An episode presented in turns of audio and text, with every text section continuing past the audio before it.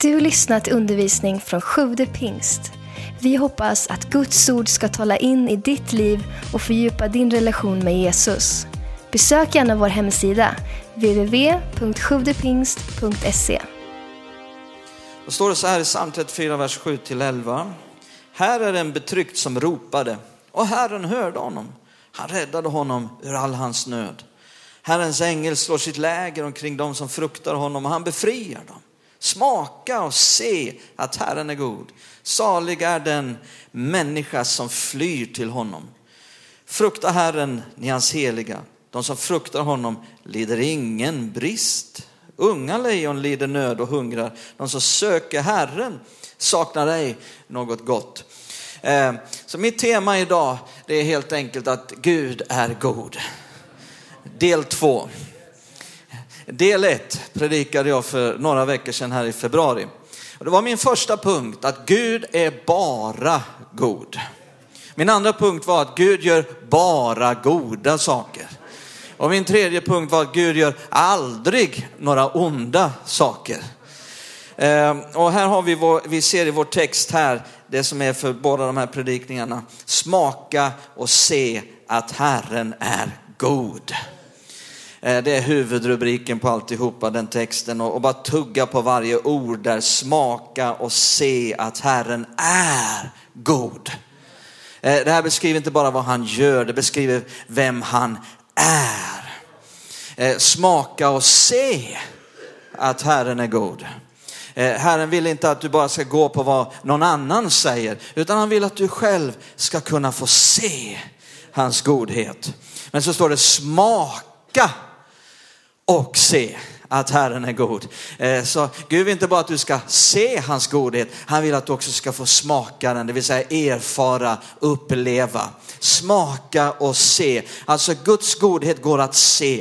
Eh, eh, det är någonting som tar sig uttryck i väldigt konkreta saker, helt enkelt. Det går att se. Eh, och nu ska vi gå lite djupare här idag, eller gå lite vidare. Och eh, min första punkt idag är helt enkelt att Gud vill ge dig kunskap om det goda. Vad betyder det? Gud vill ge dig kunskap om det goda. Eh, vi ser i första Mosebok kapitel 2 och vers 8 till 9. Första Mosebok 2, vers 8 till 9 så står det Herren Gud planterade en lustgård i Eden österut och satte där människan som han hade format. Och Herren Gud lät alla slags träd som var ljuvliga att se på och goda, kan jag säga goda, att äta av, växa upp ur marken. Livets träd, liksom trädet med kunskap om gott och ont, satte han mitt i lustgården. I förra predikan här då i februari så såg vi hur Gud skapade allt och så sa han det är gott, det är gott, det är gott och det är mycket gott. Och, och här läser vi nu om, om ett speciellt träd som gav kunskap om gott och ont och som människan inte fick äta av. Och som människan heller inte hade ett behov av att äta av. Eh, eh, därför att människan hade ju kunskap om gott. Eller hur? Allt människan rörde vid var gott. Det människan inte hade kunskap om var ont. Behövde människan känna till ont? Nej. Och på samma sätt finns det väldigt mycket som du heller inte behöver känna till.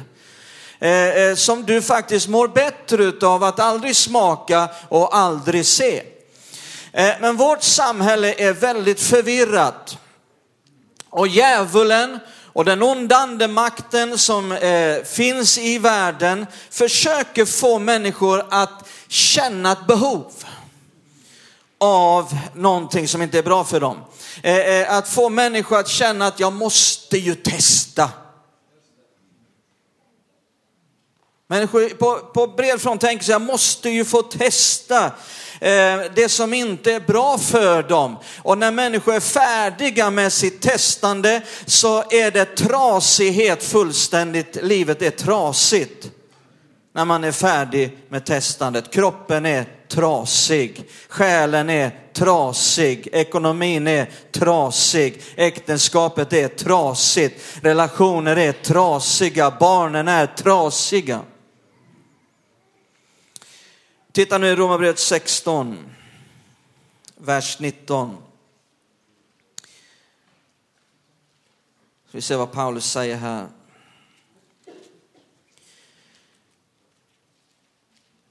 Och då står det, er lydnad är ju känd av alla, därför gläder jag mig över er.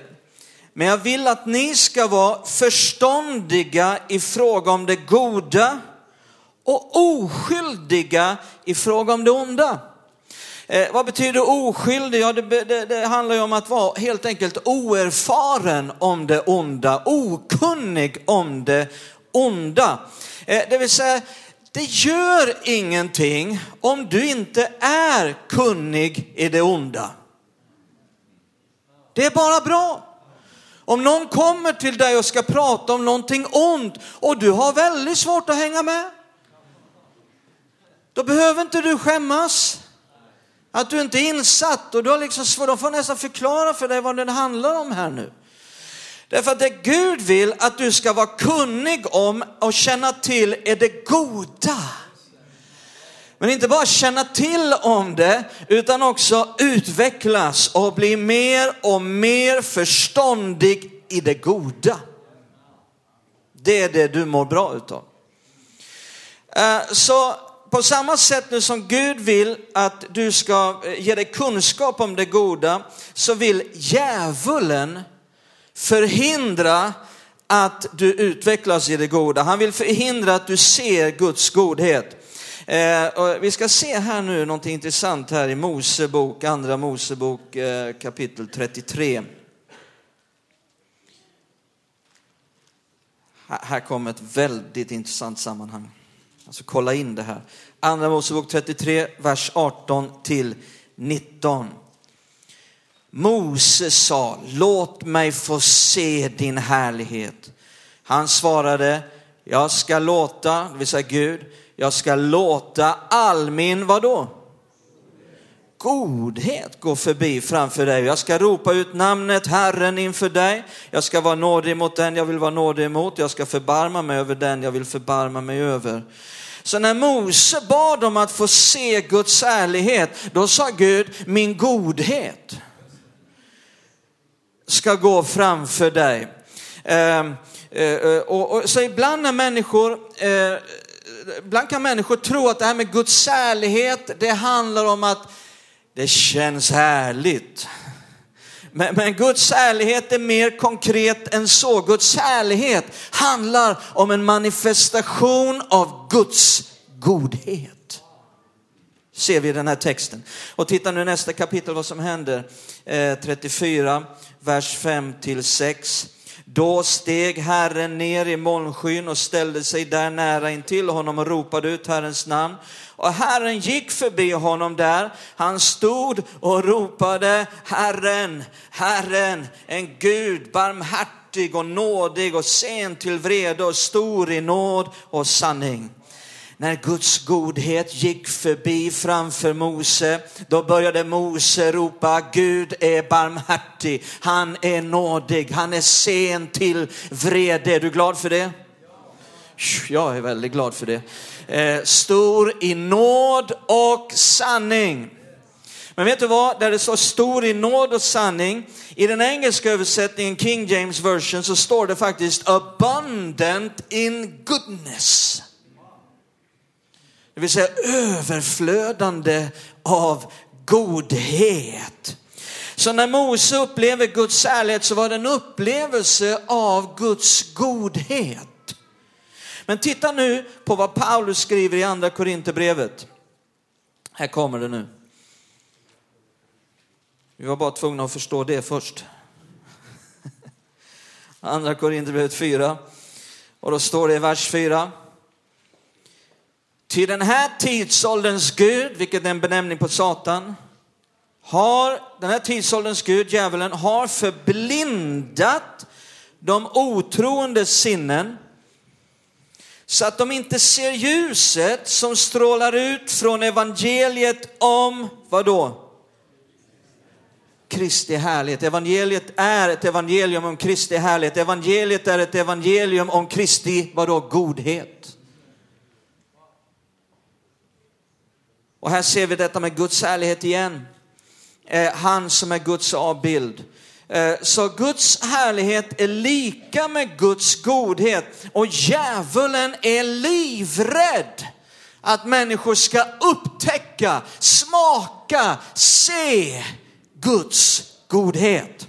Och därför kämpar han frenetiskt för att förhindra att detta sker. Därför kämpar han emot att människor ska upptäcka att Jesus vill bota de sjuka. Att han vill befria de bundna, att han vill upprätta det som är trasigt, att Gud vill vägleda in i ekonomisk harmoni, att han vill ge frid för oroliga själar, att Jesus vill förlåta och ge rening ifrån allt det som man kan känna att man ångrar att man sagt och, och gjort. Att Gud vill ge varje människa ett segerrikt liv. Därför att det, det, det, är det värsta som kunde hända för djävulen, det är om världen upptäcker hur god Gud är. Och ett av djävulens favorituttryck, vet du vad det är? Det är om, om Gud är god. Varför sker det då så mycket hemskt i den här världen? Frågetecken. Han är expert på att ifrågasätta Guds godhet. Hans främsta vapen, vet du vad det är? Religion. Och ibland får han faktiskt till och med hjälp av predikanter som talar om för människor att Gud ligger bakom katastrofer, tragedier och sjukdomar. Eh, att Gud gör hemska saker på den här jorden och vi kan inte förstå anledningen till det. Att Gud har någon outgrundlig anledning som vi icke kunna förstå. Och vill du veta mer om det så kan du lyssna på förra predikan. Djävulen förstår att Guds godhet är det som gör att människor vill vända om. Jag är inte säker på att alla kristna förstår det, men djävulen förstår det. Titta nu här vad som står i Romarbrevet 2, vers 4. Romarbrevet 2, 4. Åh, Gud är god. Och hans nåd varar i evighet. Romarbrevet 2, 4. Så står det, eller föraktar du hans stora godhet? Hörde du vad som stod? Eller föraktar du hans stora godhet, mildhet och tålamod. Och förstår inte att det är hans godhet som för dig till omvändelse. Man får inte människor att på djupet vända om genom att slå dem i huvudet och tala om för dem att allt det de gör är fel. Att de klär sig fel, att de luktar fel, att de gör fel, att de bara är fel. Man får inte människor att på djupet vända om och ge sina liv till Jesus med det budskapet. Men det är budskapet om Guds godhet eh, som gör att människor vill ge sitt liv till Jesus. På den bibelskolan jag gick i USA, Rhema Bible Training Center, där fanns eh, på eftermiddagarna, på vardagarna, eh, en helande skola. Eh, och där var en kvinna som var gift och hon älskade Jesus. Men hennes man han var ganska hatisk till kyrka och till kristna och han ville inte veta någonting utav det. Eh, och, och, men hon låg på honom att liksom, kan du inte följa med till kyrkan? Det skulle vara så roligt om vi kunde få gå tillsammans och så vidare. Eh, och han vägrade hela tiden. Sen var det vid ett tillfälle då hon hade lyckats att göra en deal. Hon skulle gå med på någonting som han ville om han gick med på att komma med till kyrkan. Och då råkade det vara så att det, det, det blev helande skola på Rema. En vanlig vardag eftermiddag. Och där satt han och skulle sitta av det här under stor protest med armarna i kors. Då hörde till saken att han hade en utväxt i nacken, en, en böld eller någon slags, eh, någon slags stor utväxt. Eh, och, och det hände att han, han, han hade liksom en vana att sträcka sig bak där och klia på den där och känna på den där eh, titt som tätt. Så när de var klara där och hade, han hade varit med där och ett par timmar och så gick de ut och satte sig i bilen och så skulle de åka iväg till det som han nu ville att de skulle åka till och, och så körde de bara en liten bit och så sin vana trogen så sträckte han sig bak och skulle känna på den där och klia på den där och den var borta. Och han liksom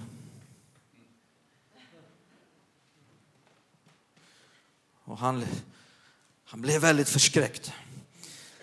Så han tog backspegeln och ställde in den. Liksom så här. Och då, då, då sa frun, vad är det?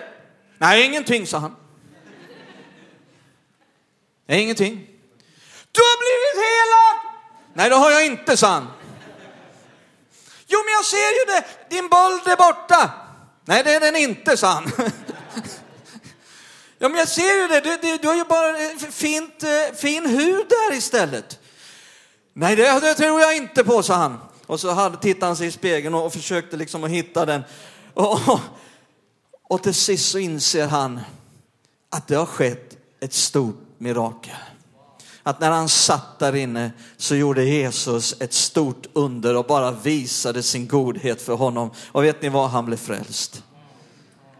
Wow. För att han mötte Guds godhet. Är inte det underbart?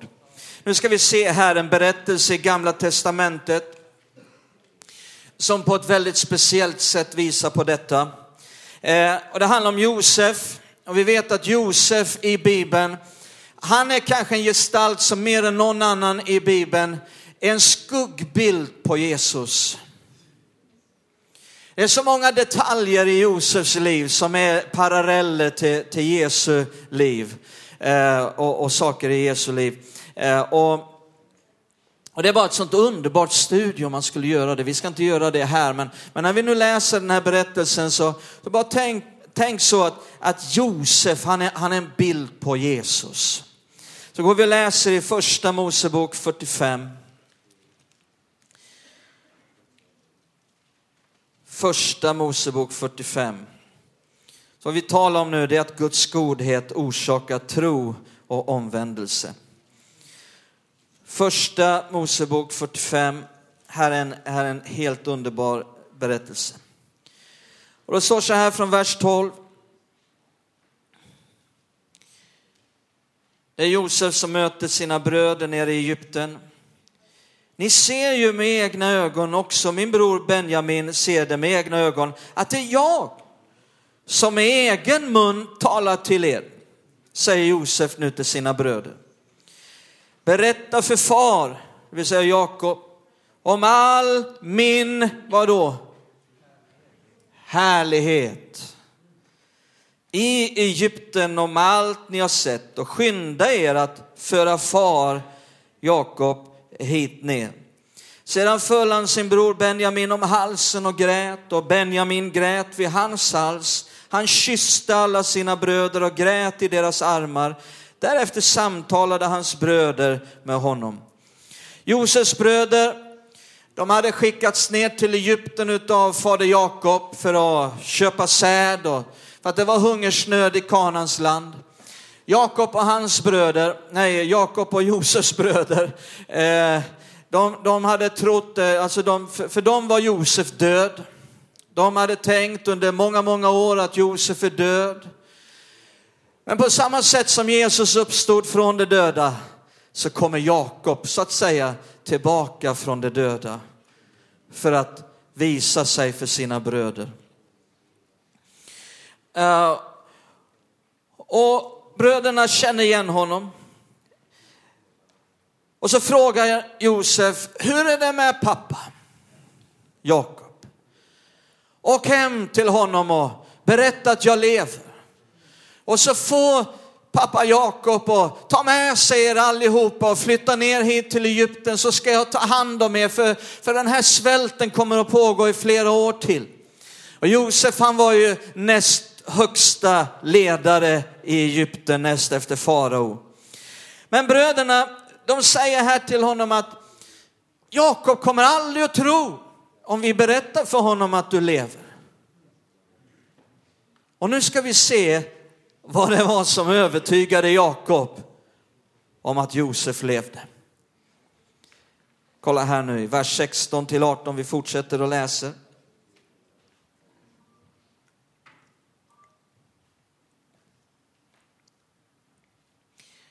Då står det, när ryktet spred sig i faraos palats att Josefs bröder hade kommit gladde det farao och hans tjänare. Och farao sa till Josef, säg till dina bröder att de gör så här. Lasta era djur och far hem till Kanans land. Hämta sedan er far och ert husfolk och kom hit till mig så ska jag ge er det bästa som finns i Egyptens land och ni ska få äta av landets överflöd. I King James översättning, också reformationsbibeln, så står det att istället för äta av landets överflöd så står det äta av landets goda. Jag har vi det här ordet igen, goda. Eh, om du håller ditt finger där, kolla här i Jesaja eh, 1 och 19. Jesaja 1 och 19, vi får upp det där. Om ni är villiga att höra skall ni få äta landets goda. Det är ett löfte till oss allihopa. Är inte det underbart? Vilka goda nyheter. Eh, och så går vi tillbaka nu till kapitel 45 och så fortsätter vi att läsa ifrån vers 19. Du ska säga till dem att göra så här, ta med er vagnar. Vagnar. Jag älskar det. Han sa inte ta med er en och annan väska. Eller stoppa fickorna fulla. Han sa ta med er vagnar. Alltså jag är glad jag kom hit idag så jag får predika mig själv glad. Tack Jesus. Ta med er vagnar från Egyptens land. För era små barn och era hustrur och hämta er far och kom hit. Bekymra er inte om era ägodelar, för det bästa som finns i hela Egyptens land ska vara ert. Israels söner gjorde så, Josef gav dem vagnar som farao befallt och gav dem också reskost. Och han gav var och en av dem en högtidsdräkt. Men Benjamin gav han 300 siklar silver och fem högtidsdräkter. Till sin far, kolla in det här nu, skickade han också gåvor. Tio åsnor lastade, lastade med det bästa Egypten hade och tio åsninnor lastade med säd och bröd och andra livsmedel åt hans far för resan. Halleluja. Alltså snacka om att här kommer ett vagnståg lastade med allt det goda från Josef. Alltså det var ju rena godståget. Ja men faktiskt, eh, alltså bara stanna upp där. Eh, gods Vet ni varför det heter godståg? Det kommer av ordet god. Jag har upptäckt det för några år sedan. Ni, ni, ser lite tveksamma ut här, men, men titta här i psalm 112 ska du få se, så, så går vi tillbaka hit sen igen. Psalm 112. Det var rena godståget. Psalm 112, vers 1 och vers 3. Titta vad som står här. Halleluja! Han är ju salig redan innan han har börjat salmen. Läs alla tio verserna så kommer du liksom att bara hoppa och jubla. Halleluja, salig är den människa som fruktar Herren och har sin stora glädje i hans bud. Och så läser vi, i, det här är från 1917 års översättning nu. Eh, och då står det så här i den översättningen, vi läser härifrån. Gods, kan jag säga gods? Och rikedom ska finnas i hans hus och hans rättfärdighet består evinnerligen. Eh, gods och rikedom ger Gud ett löfte om. Eh, och ordet gods, det kommer faktiskt ifrån ordet god. Jag upptäckte det, för jag, eh, om du bara stannar upp lite grann så är det ju så på engelska. Vad är det engelska ordet för gods? Jo, det är goods. Det kommer från good. Och det är samma sak på spanska, jag kan lite spanska. Och där är ordet för gods, bienes. Och vi har ju en språkexpert här som kan intyga. Om bienes, det är gods. Och god på spanska är bien. Och det är samma på svenska. Så att, att Gud vill lova oss gods och rikedom måste betyda att han är god och därför vill han ge oss gods. Halleluja. Och vet ni vad? Jag tror att det är dags att vi börjar tro Gud om detta. Inte för att vi ska hopa på oss själva i någon slags själviskhet. Gud har ingenting emot att du har pengar, men Bibeln har någonting emot om pengarna har dig. Bibeln ger löfte om att Gud vill välsigna dig ekonomiskt och materiellt, men varnar också för att du börjar jaga efter det för att hopa på dig själv. Nej, vi behöver tro Gud om detta, att vi får äta av landets goda och det kommer oss till del. Varför då? Så att vi kan bli generösa och frikostiga. Så att vi kan se till att det blir ett barnhem till nere i Asien för barn som har farit illa i sexslaveri och annat. Så att vi kan sända ut fler missionärer på missionsfältet med världens bästa budskap. Så att vi kan bygga kyrka här i Skövde där massor av människors liv blir förvandlade. Det är därför Gud vill välsigna oss. Halleluja. Men nu går vi tillbaka här. Har du med dig jubelskorna nu? Psalm, nej, första Mosebok 45. Vad händer nu då? Vers 24 till 26. Vi läser nästa vers nu. Sedan lät han sina bröder resa och de gav sig av och han sa till dem, gräla inte på vägen hem. Det är väldigt bra. Det kanske är några här idag som behöver höra det. Gräla inte på vägen hem. Halleluja. Var goda mot varandra. Bär Guds godhet, var förståndig i det goda, övervinn det onda med det goda. Och sen står det vidare, de drog upp från Egyptens land och, och, och, och från Egypten och kom till sin fader Jakob i Kanans land. De berättade för honom, Josef lever. Vem är Josef en bild på nu? Jesus. Det är det som är vårt budskap, Jesus lever. Josef lever, än. Och han är härskare. Jesus har all makt i himlen och på jorden. Han är härskare över hela Egyptens land.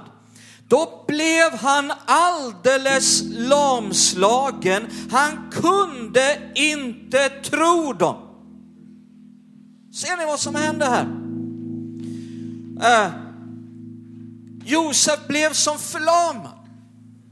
Han kunde inte tro det. Och människor kan höra oss säga att Jesus lever. Men vet du vad, det har aldrig varit Guds mening att de ska bara tro att vi säger att Jesus lever.